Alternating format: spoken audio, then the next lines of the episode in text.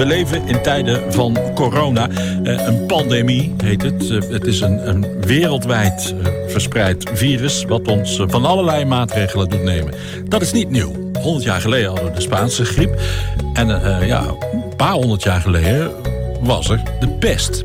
Dat was ook ja, een pandemie te noemen in de middeleeuwen, toch? Yvette Driever, de conservator van het Museum het Valkhof in Nijmegen. Goedemorgen. Goedemorgen. Ja, ja dat, uh, dat was ook een pandemie. Drie keer zelfs. Ja, en uh, als we het hebben over um, slachtoffers... Uh, in, in verhouding met het bevolkingsaantal... Hoe, hoe, groot was de pest toen? Nou, daar gingen wel veel meer mensen aan dood. Um, de precieze cijfers zijn niet bekend. Maar um, sommigen zeggen 30% van de bevolking, anderen 60%. Maar in ieder geval veel meer dan aan corona. Ja, um, de pest uh, spreekt tot de verbeelding eigenlijk. Als we het over die pandemieën hebben. Dat is, dat is al jaren zo. Er zijn boeken over geschreven. Er zijn tentoonstellingen over gemaakt. En uh, ja, jullie in Nijmegen dachten eigenlijk een jaar geleden al... Ja, dat is best een interessant onderwerp. En toen was er nog geen sprake van corona, hè? Nee, nee, het is nu opeens super actueel geworden. Uh, maar wij vonden het een interessant onderwerp omdat we in onze collectie een portret hebben van een 17e eeuwse pestdokter die in Nijmegen werkte. En die ook een traktaat heeft geschreven over de pest. En daarmee eigenlijk aan het begin stond van een meer wetenschappelijke benadering van de pest. Dus uh, niet um, allerlei middelen maar grofweg toepassen. Maar goed kijken wat zijn nou de ziekteverschijnselen van die patiënten die beschrijven. En wat is nou echt effectief. Ja. Uh, en we hebben ook nog um, een beeld in onze collectie... die hebben we vorig jaar gekocht van een, een van de belangrijkste pestheiligen Sint Sebastiaan. Dus dat waren eigenlijk voor ons twee aanleidingen om die tentoonstelling te gaan maken. Ja. Um, en ja, toen ik begon met de tentoonstelling... toen uh, heb ik wat op papier gezet over wat is nou een pandemie... en hoe voel je je nou tijdens zo'n pandemie. En uh, het is heel gek om die dingen nu eigenlijk om me heen te zien uh, quarantaine en uh, mensen die bang zijn en wanhopig. Ik heb het allemaal gelezen, maar nu ervaar ik het ook zelf. En, het is een heel gek gevoel. Uh, ja, je kunt nu niet meer praten over hoe ervaar je dat als het er niet was geweest. Maar hoe beklemt het jou nu? Of, of, heb je al een soort voorsprong omdat je daarmee bezig bent geweest? Ja, misschien wel een beetje een voorsprong.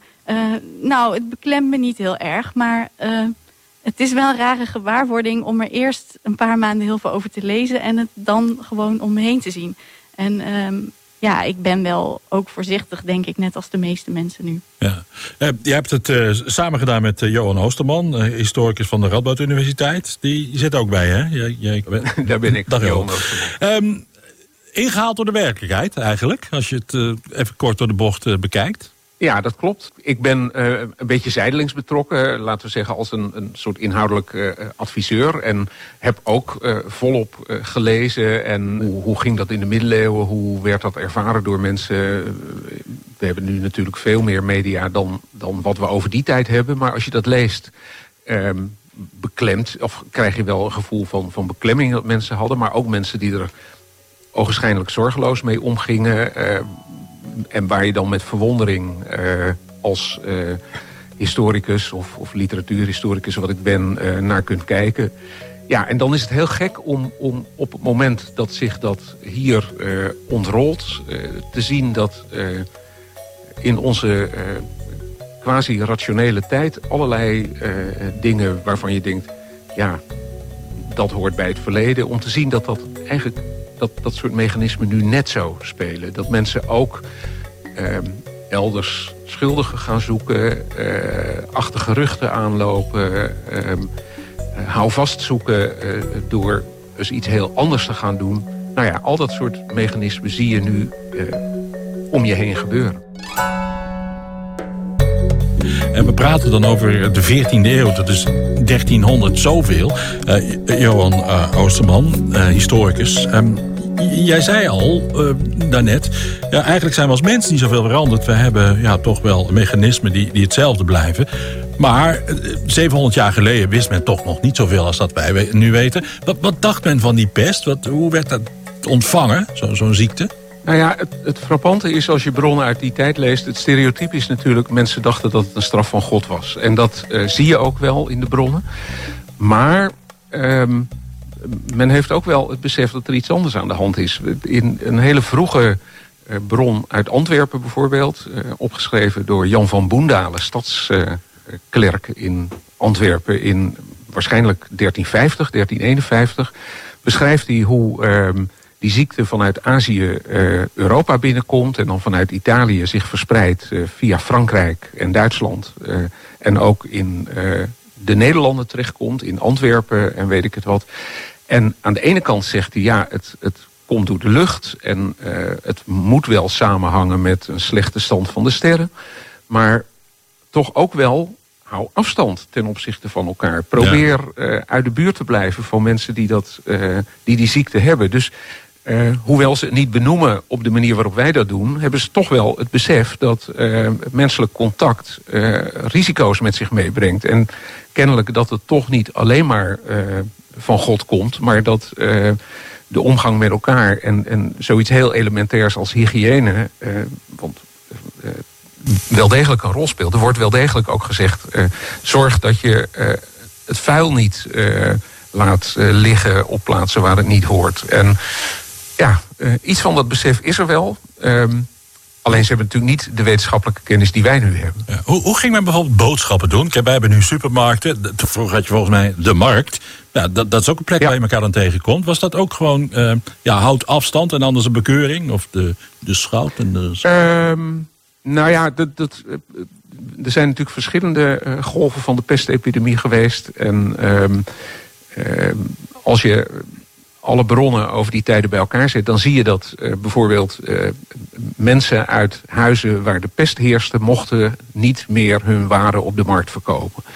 Um, dus natuurlijk moesten mensen uh, eten en drinken in huis halen... maar er werd toch geprobeerd om, om een scheiding aan te brengen. En er waren ook mensen die gewoon uh, de stad, hun dorp, uh, ontvluchten, naar het platteland gingen... en zorgden dat ze voldoende te eten en te drinken bij zich hadden. Dat waren natuurlijk wel vooral de rijken. Mm -hmm. um, maar daarin uh, klinkt eigenlijk net zoiets door als wat je nu ziet. Ja. Een soort hamsteren ook. Ja. Van, zorg dat je voldoende hebt en ga naar je huisje op het platteland. Was, was er een, een wantrouwen ook onderling? Want het was heel besmettelijk. Ik bedoel, kregen mensen een, een sticker of, of iets dat duidelijk te zien was van die is besmet, pas op.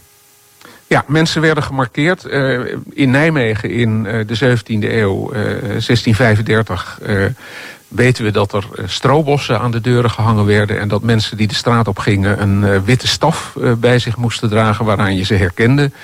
Ja. Um, en er zijn over heel Europa allerlei andere dingen bedacht... om eh, mensen die aan de pest lijden herkenbaar te laten zijn. Zodat anderen afstand konden houden. Ze konden gemeden worden als de pest, hè? Ja, dat, is, dat spreekt wat wel. Ze konden gemeden worden als de pest, ja. ja daar komt die uh, uitdrukking natuurlijk vandaan. Ja. Heb, jij, heb jij nog een leermoment uh, uit, uit ja, het bezig zijn met deze tentoonstelling?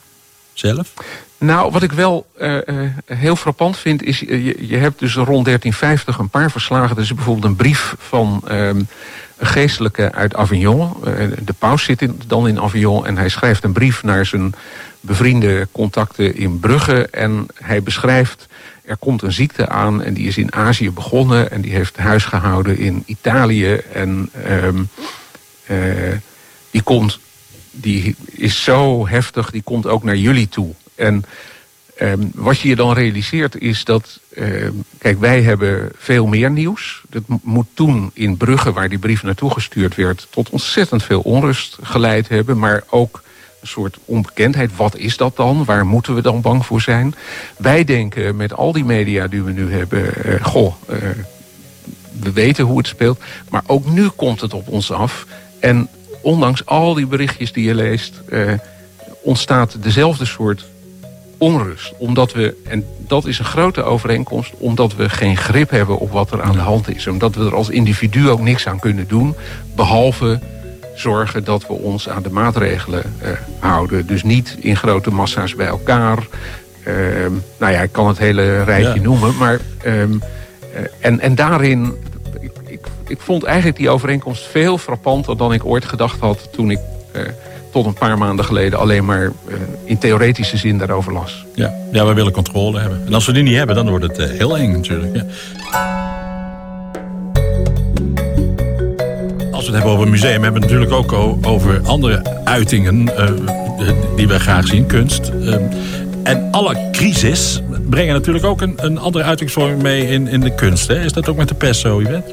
Ja, bij uitstek de pest. Ehm, die heeft veel meer invloed gehad op de kunst dan andere besmettelijke ziekten zoals de pokken of cholera.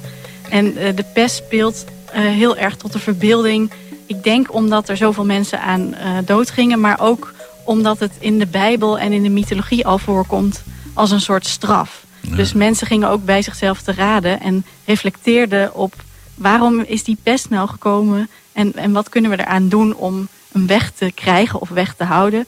Um, en je ziet dat eh, in de kunst um, aan de ene kant de dood een hele grote rol ging spelen. Het liet kunstenaars echt niet los. Uh, op allerlei verschillende manieren uh, ja, verbeelden ze de dood als thema of als personificatie. En aan de andere kant inspireerde het kunstenaars ook om hele mooie en positieve werk te maken. Heilige beelden en altaarstukken met heel mooie kleuren en um, ja, troostrijke voorstellingen. Um, waar je ook in, in, duistere tijden even wat hoop kon vinden of steun, denk ik. Ja. Um, en dat is natuurlijk wat we nu ook nodig hebben van de kunst, denk ik. Uh, ja, je, de, de kunst kan echt uh, je helpen om zoiets uh, te verwerken. En om nog even het positieve te zien van de wereld ook. Nou, ja, het is wel een fatalistische boodschap. Uh, hè? Ik bedoel, we zijn niet veel veranderd als mensheid. En, en, en, ja, controle is eigenlijk ook een bijna illusie. We, we, proberen natuurlijk wel ons, ons aan regels te houden. Maar het gaat ook zoals het gaat. Dan. Ja, ja dat is ook zo. Ja. ja nou. um, maar aan de andere kant, kijk, we hebben nu, uh, Johan zei het net ook al, we hebben nu wel de medische, medische wetenschap die ons veel meer houvast geeft. En wij weten wel wat we kunnen doen aan effectieve maatregelen om niet ziek te worden. En dat is natuurlijk wel een heel groot verschil. Plus dat, um, dat de, de, ziekte gewoon heel anders is. Uh, de, de, pest is een bacterie, corona is een virus. Ja.